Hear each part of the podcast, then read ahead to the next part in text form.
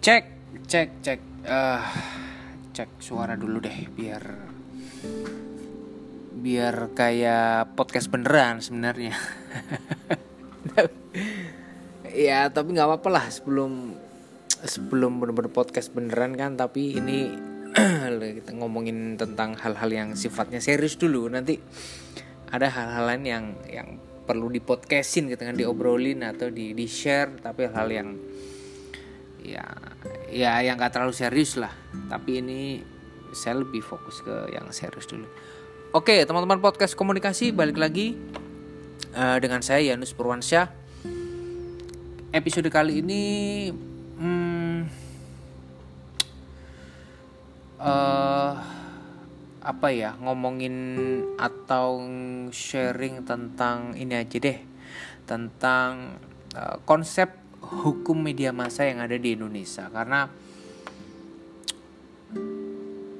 ya kalau masalah media massa sih saya rasa uh, seperti yang ada di dalam kajian-kajian uh, komunikasi terkait dengan uh, hukum media massa atau hukum dan etika media massa bahwa sebenarnya ada konsep uh, yang itu bisa di share atau konsep yang bisa dijadikan sebuah patokan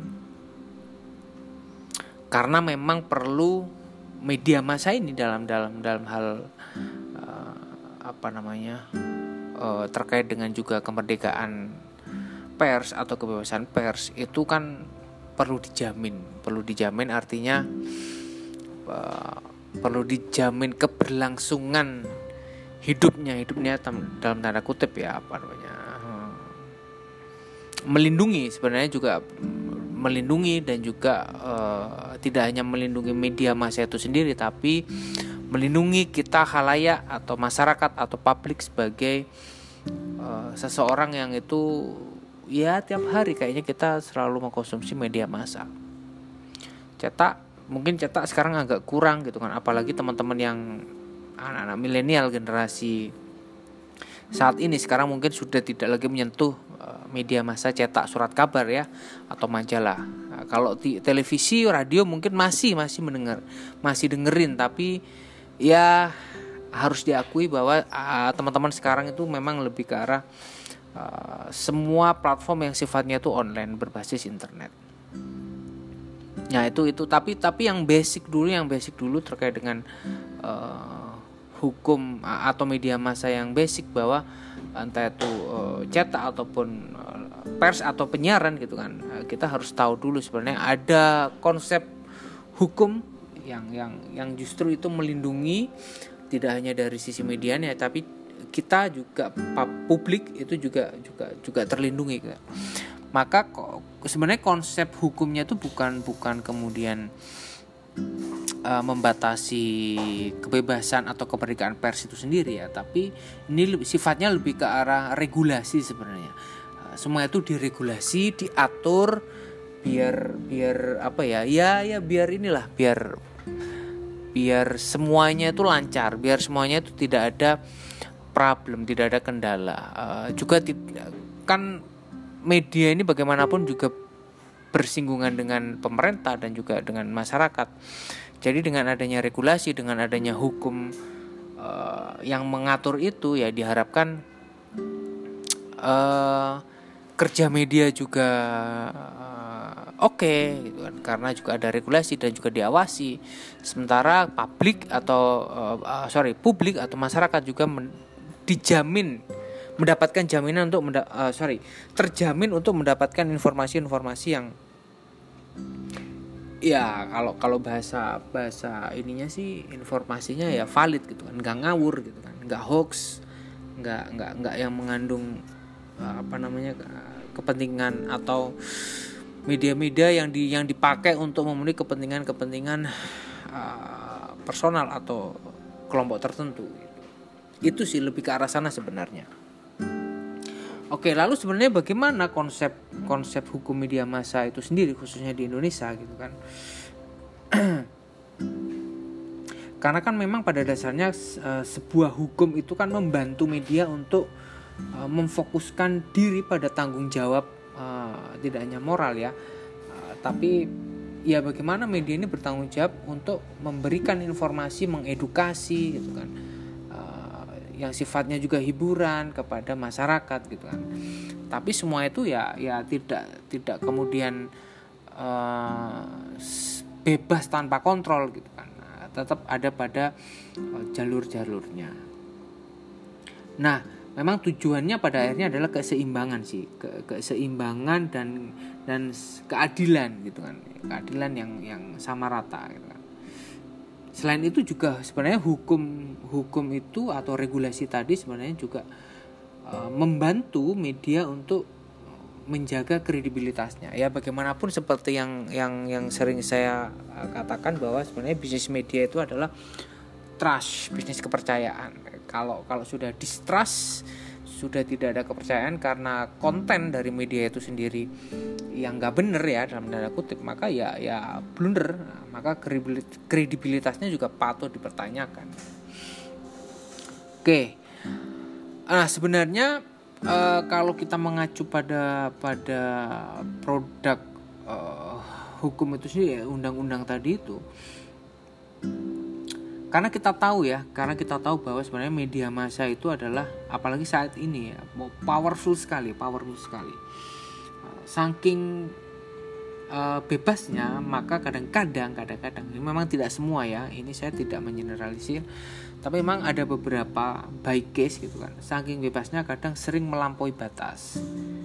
Contoh misalnya terkait dengan gosip atau infotainment yang yang ya seperti kita tahu bahwa uh, privasi orang diubek-ubek gitu ya privasi orang diubek-ubek gitu kan. Nah itu kan juga mungkin ya agak agak gimana gitu ya kok. Makanya ada beberapa yang bilang bahwa sebenarnya infotainment itu program acara infotainment itu tidak termasuk dalam produk jurnalistik. Ya karena ritme atau proses uh, dalam menggali data dalam melakukan reportase wawancara itu kemudian dalam menyajikan datanya itu tidak ada beberapa yang tidak sesuai dengan kaidah jurnalistik. Maka tidak termasuk dalam produk jurnalistik.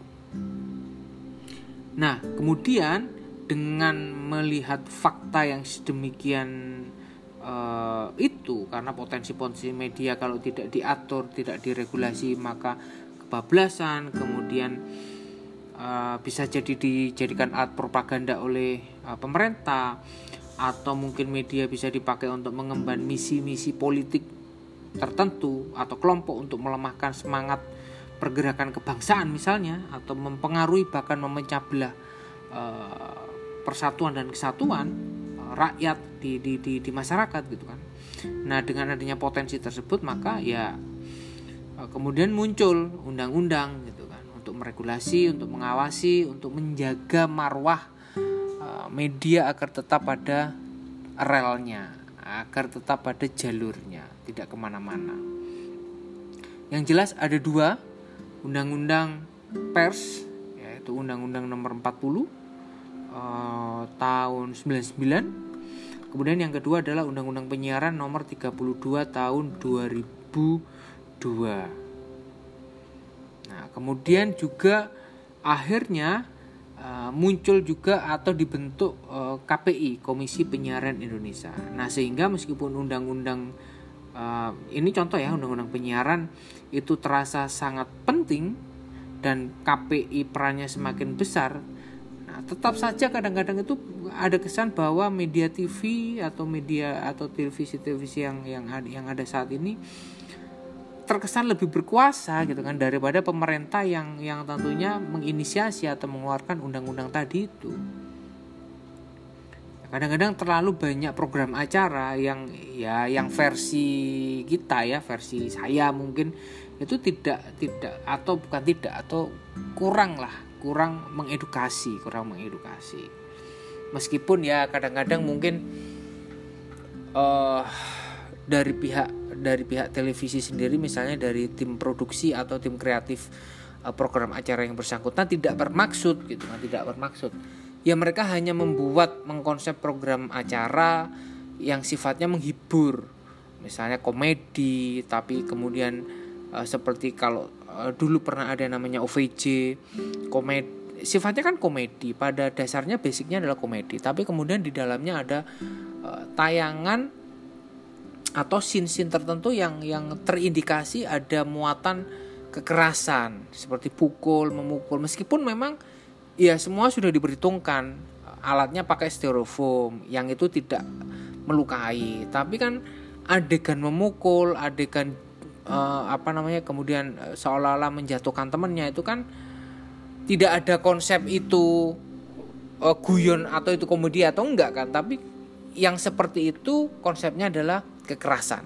Memukul bagaimanapun itu entah itu disajikan dalam komedi tapi dalam konsep uh, konsep utamanya adalah kekerasan. Nah maka kemudian akhirnya eh, KPI bertindak menegur dan sebagainya. Banyak banyak juga misalnya kalau di di, di dalam televisi itu program-program acara yang misalnya mengekspos uh, privasi orang, privasi uh, rumah tangga orang, termasuk ya acara-acara infotainment lah, gosip, gosip itu kan. Tapi ya memang ya laki-laki uh, ya itu yang yang apa ya? Begini teman-teman uh, tim kreatif atau, atau uh, media TV itu saya rasa tidak akan membuat sebuah program acara yang yang masyarakat juga nggak seneng gitu loh pasti ada berdasarkan uh, riset kecil-kecilan mungkin atau mungkin apa uh, kalau teman-teman ingat adalah rating ya rating nah, rating program acara itu. Justru jangan-jangan acara-acara seperti gosip ya, infotainment itu jangan-jangan masyarakat suka. Jangan-jangan justru kita yang suka. Maka berdasarkan itu maka masyarakat banyak yang nonton sehingga berdasarkan rating akhirnya tinggi. Maka si media-media tadi otomatis akan kembali memproduksi program acara yang seperti itu. Ini kalau kita menganalisis eh, TV ya. Saya rasa memang uh, yang agak selalu bersinggungan dengan hal-hal uh, seperti itu adalah media televisi. Kalau surat kabar saya rasa agak agak minim agak minim. Karena itu surat kabar sendiri kan prosesnya kan hampir hampir satu hari ya. Mereka ada proses liputan ada proses uh, editing ada proses meskipun di televisi juga ada. Cuman uh, hampir mayoritas persentase terbesar adalah uh, televisi. Radio saya rasa agak aman. Tapi tetap berpotensi. Semua yang yang disiarkan semua yang dipublish itu sangat berpotensi. Apalagi internet. Itu makin berpotensi lagi. Ah, YouTube kemudian ada ah, apa kalau sekarang ah, media sosial dan sebagainya. Tapi nanti undang-undangnya jelas beda. Nanti tidak lagi ikut di dalam undang-undang pers atau di dalam undang-undang penyiaran karena internet basisnya beda lagi nanti. Sepertinya nanti ada yang namanya itu pedoman uh, pemberitaan cyber pemberitaan online. Itu itu itu aturannya nanti di sana Nah, kalau bermedia sosial mungkin masuknya ke UITE ya. Nah, ini ini ini uh, garis pembedanya beda. Oke, nah kemudian sebenarnya dari dua undang-undang tadi itu uh, apa namanya undang-undang pers nomor 40 tahun 99 itu untuk khusus pers, media cetak, surat kabar dan sebagainya. Kemudian ada undang-undang uh, 32 uh, uh, tahun 2002 itu sebenarnya dengan dengan apa namanya pasal-pasal di dalamnya ya aturan. Kemudian kalau di pers itu ada dewan pers sebagai pengawas kalau di penyiaran ada KPI sebagai pengawas juga. Itu sebenarnya e, buat saya juga sudah sangat lebih dari cukup untuk meregulasi. Cuman lagi-lagi memang ya regulasi kan juga memerlukan kontribusi juga dari medianya dan juga dari masyarakatnya kalau televisi ya kalau tidak ada atau begini, kalau tidak ada masyarakat yang mengadu ke KPI misalnya atau ke Dewan Pers karena kesalahan-kesalahan media ini ada menemukan adanya pelanggaran, ya maka regulasi tadi tidak tidak berjalan. Masyarakat kita atau masyarakat juga harus ikut serta aktif dalam mengawasi media. Laporkan kalau ada indikasi uh, pemberitaan yang nggak benar atau program acara yang nggak benar. Itu boleh. Entah itu, uh, coba nanti dicek ya. Sepertinya kalau KPI itu ada di pengaduan ada. Jelas ada pengaduan. Silakan dilaporkan. Nanti KPI juga akan akan meninjau laporan kita gitu atau Dewan Pers juga akan meninjau laporan kita memverifikasi dan memvalidasi apakah benar enggak ya jelas nanti kalau memang itu terbukti melanggar ya jelas ada punishment saya rasa gitu kan nah sekarang oke okay, kalau kita melihat uh, secara umum di Undang-Undang Nomor 40 itu ada beberapa pasal yang ya maybe nanti mungkin di di di next eh, episode saya akan buatkan khusus eh, ngebahas tentang Undang-Undang Nomor 40 dan juga Undang-Undang 32. Ada di di Undang-Undang 40 itu ada pasal pas ada beberapa pasal yang itu fokus uh, misalnya definisi pers itu seperti apa sebenarnya. Kemudian perusahaan pers itu misalnya adalah badan hukum yang menyelenggarakan usaha pers meliputi media cetak, elektronik atau berita. Kemudian ada kantor berita, itu seperti apa dan sebagainya. Kemudian ada juga misalnya di pasal 2 itu membahas tentang kemerdekaan pers itu seperti apa. Kemudian pasal 3 ngebahas tentang pers nasional, fungsinya. Kemudian ada juga uh, fungsi, fungsi dari pers itu seperti apa kemudian pers nasional itu peranannya seperti apa, kemudian ada tugas dan fungsi dewan pers, nah, nanti ada di sana. Kemudian juga ada Undang-Undang Penyiaran Nomor 32 Tahun 2002. Nah, itu juga sama.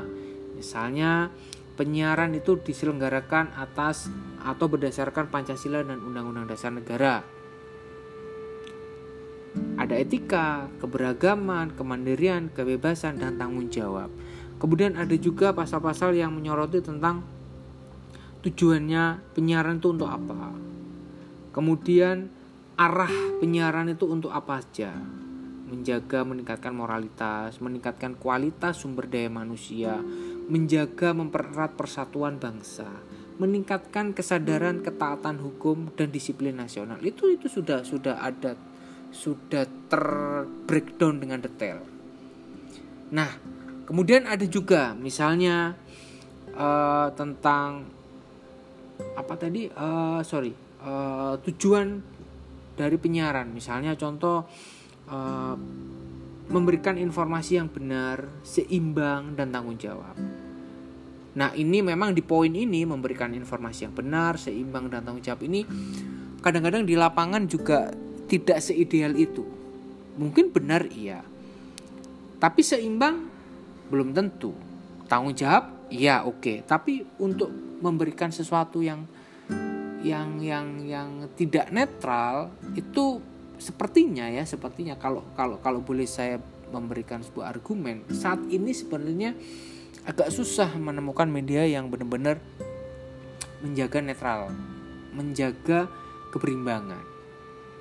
Uh, karena ya ya ya wajar sih uh, uh, di dalam konsep uh, media sendiri kan media itu juga sebagai lembaga ekonomi kan ada ada bisnis yang mereka jalankan ada keuntungan dengan misalnya uh, mungkin ada keberpihakan uh, mungkin ada sisi uh, dukung ini dukung itu ya itu itu itu semua sudah sudah tahu semua sudah sudah sudah bisa melihat itu dengan gamblang. Cuma yang di sini adalah rambu-rambunya adalah sebenarnya itu itu uh, apa ya? Kalau bilang tidak boleh sebenarnya memang harus dihindari. Cuman karena ya tadi itu kita kan nggak bisa 100% uh, tiap detik mengawasi kerja media kan. Nah, berdasarkan dari dari kasus-kasus itu maka sebenarnya kemudian muncul yang namanya itu literasi, literasi media. Nah, di sana berarti kita tidak bisa mengandalkan 100% media saja, tapi kita masyarakat atau publik sebagai konsumen dari informasi yang disajikan oleh berbagai macam tipe media dengan tujuan tertentu dan kepentingan tertentu dengan ideologi masing-masing dengan framing masing-masing atau bingkai masing-masing. Nah, kita harus punya filter. Kita harus meliterasi diri kita sendiri. Jadi pada akhirnya kita ya akan akan akan slow aja, akan santai saja menanggapi pemberitaan media yang yang tiap hari itu yang ah yang yang apa ya istilahnya yang uh, begini. Artinya kita tidak mudah terpengaruh. Nah itu. Tujuannya itu akhirnya kita tidak mudah terpengaruh oleh uh, narasi-narasi media yang yang yang mungkin mengandung mengandung apa namanya berusaha untuk menggerakkan opini publik berusaha untuk untuk uh, mempengaruhi masyarakat dengan kepentingan-kepentingan mereka. Nah itu. Akhirnya akhirnya memang harus harus dua-duanya. Media juga iya melaksanakan dengan sebaik mungkin dengan memberikan edukasi, memberikan menyajikan siaran-siaran atau narasi-narasi yang itu tidak memecah belah, tidak mempengaruhi opini publik, tidak kemudian menyudutkan pihak-pihak tertentu. Masyarakat di sini juga harus ikut aktif. Eh, tidak kemudian menelan mentah-mentah apa yang disajikan media, tidak. Oke, ya kalau memang sudah bisa berjalan berdua beriringan ya saya rasa uh, bukan tidak mungkin bukan tidak kemudian tidak ada sama sekali ya kasus-kasus pelanggaran kode etik dan sebagainya. Tapi paling tidak bisa ditekan seminimal mungkin. Oke. Uh, konsep uh, hukum media massa sebenarnya lebih jauh uh, bisa dikelompokkan ya. Tujuan dari hukum media massa itu sendiri bisa dikelompokkan menjadi beberapa. Yang jelas adalah yang pertama adalah untuk mengendalikan media massa tadi ya adanya konsep hukum media massa itu tujuannya jelas yang pertama adalah untuk mengendalikan media massa menjaga instrumen untuk membatasi media massa agar tidak melenceng dari keinginan atau dari tujuan awal bahwa sebenarnya memberikan informasi yang yang ya edukasi, mengedukasi, menghibur dan lain-lain. Kemudian yang kedua, untuk mengatur media massa agar berperilaku wajar sesuai dengan keinginan masyarakat. Intinya tidak merugikan masyarakat. Dalam konteks ini sebenarnya hukum media massa memiliki karakter sosial kalau yang tadi yang pertama mengendalikan media massa karena pada titik ini hukum media massa tersebut memiliki konteks atau karakter politik katanya dengan pemerintah. Kalau kaitannya dengan masyarakat maka karakter sosial. Nah, kemudian kan tadi ya Undang-Undang 40, Undang-Undang Nomor 32 kan ada pasal-pasalnya. Nah, maka kemudian akhirnya juga tidak bisa dilepaskan dari bagaimana ritme awak medianya itu sendiri gitu kan semua akhirnya terikat gitu kan media diregulasi diatur dengan undang-undang tujuannya tadi itu satu dan dua tadi itu kemudian akhirnya ketika media secara institusi itu diregulasi diatur maka itu juga mengikat individu-individu yang ada di media tersebut termasuk wartawan wartawan akan dikenakan uh, hukum bila melanggar ya beberapa pasal yang terdapat dari KUHP tadi itu. Nah, sebenarnya uh, dengan begitu maka sebenarnya hukum itu memperlihatkan bahwa harus ada tindakan profesional dari media, termasuk dari awak media itu sendiri. Nah kalau melanggar jelas ya kalau wartawan itu sudah melanggar misalnya suap mendapatkan suap uh, misalnya wartawan A dapat suap agar tidak memberitakan informasi atau hal-hal atau fakta yang jelek mengenai tokoh politik A misalnya disogok atau disuap nah itu sudah sudah konteksnya udah KUHP hukum pidana dikenai ancaman pidana sudah melanggar kode etik kena pidana. Maka ini konsep hukum ini mengikat. Tidak hanya dalam konteks mengatur media saja, tapi kalau melanggar ketika itu bersentuhan dengan pidana maka kenanya pasal pidana.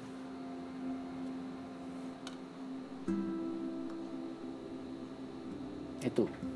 Jadi memang uh, sebenarnya memahami konsep hukum media ini ya ia tidak hanya dalam dalam ruang lingkup uh, media kerja media itu sendiri tapi ada yang yang kemudian uh, terkait dengan undang-undang tadi itu maka semuanya terikat nggak bisa kemudian seenaknya Ya kalau medianya diatur, diregulasi, diikat oleh undang-undang, maka semua yang di dalam tersebut ya terikat jadinya. Diatur juga gitu kan. Wong nanti itu ada kok dalam undang-undang itu seharusnya wartawan itu seperti apa, eh, kemudian bagaimana cara uh, dengan narasumber, kemudian bagaimana misalnya menyajikan eh, informasi-informasi uh, yang yang yang itu uh, tidak memihak. Bagaimana wartawan itu misalnya uh, ketika ada sebuah konflik uh, atau ketika ada sebuah apa namanya uh, dua kubu yang berkonflik maka media itu harus ada di mana liputan-liputan tertentu itu mana yang boleh untuk di, di disiarkan dan mana yang tidak boleh disiarkan yang mungkin tidak mengandung unsur pornografi, kekerasan, dan lain-lain. Hukum media massa mengikat, meregulasi, menyelamatkan media itu sendiri, dan juga sekali, sekaligus menyelamatkan kita sebagai masyarakat, eh, kita masyarakat uh, sebagai uh, yang mengkonsumsi informasi dari media tersebut. Intinya adalah memang pada akhirnya hukum media massa itu memang hendaknya atau hendaklah dilihat dalam dua aspek. Kita harus melihat hukum media massa itu dalam dua aspek. Yang pertama menjamin awak media massa melaksanakan semua kegiatan profesionalismenya karena mereka dilindungi oleh undang-undang, diawasi oleh undang-undang. Nah, kemudian yang kedua, melindungi kita atau melindungi masyarakat dari dampak negatif media massa itu sendiri. Ada dua aspek ya. Konsep hukum media massa itu kita harus melihatnya dengan dua aspek. Yang pertama menjamin awak media massa atau awak surat kabar eh, atau TV atau radio melaksanakan semua kegiatan yang berkaitan dengan profesionalitas eh, media produksi berita, motret, eh, tapping, wawancara, observasi, reportase, eh, liputan di medan bencana dan sebagainya. Itu yang pertama. Dan yang kedua adalah melindungi masyarakat atau publik dari dampak negatif. Karena dengan adanya dua hukum media tadi itu, dua undang-undang tadi itu di sana udah jelas pasalnya. Media harus begini, begini, begini, begini. Tidak boleh menyiarkan yang seperti ini, nggak boleh menerbitkan yang seperti ini. Naskah beritanya harus sesuai dengan ini, sesuai dengan fakta, nggak boleh hoax. Narasumbernya harus jelas. Dengan begitu masyarakat mendapatkan informasi yang mendidik, yang mengedukasi yang menghibur, tidak kebablasan, tidak kemudian memecah belah. Nah, justru dengan ini bahwa sebenarnya memperlihatkan kepada kita bahwa sebenarnya hukum media massa yang sekarang itu hendaklah berada pada kerangka itu. Apalagi online ya apalagi online. Nah, apa pun namanya nanti undang-undangnya, ya harus menjamin hak media melakukan kegiatannya dan melindungi kita dari dampak negatif. Sama ya, apa pun itu nanti produknya, undang-undangnya, UIT kalau UITE enggak ya, UITE itu uh, kaitannya dengan bermedia sosial atau ber, ber apa ya kehidupan di di, di internet tapi terkait dengan yang yang yang terkait dengan apa namanya uh, kajian uh, proses atau produksi jurnalistik ya uh, informasi publik itu kalau di internet adalah uh, seperti yang tadi saya katakan ada pedoman pemberitaan cyber namanya. Nah itu nanti akan kita bahas di pertemuan selanjutnya di podcast selanjutnya. Begitu teman-teman. Uh, terima kasih. Sehat selalu untuk kalian. Assalamualaikum warahmatullahi wabarakatuh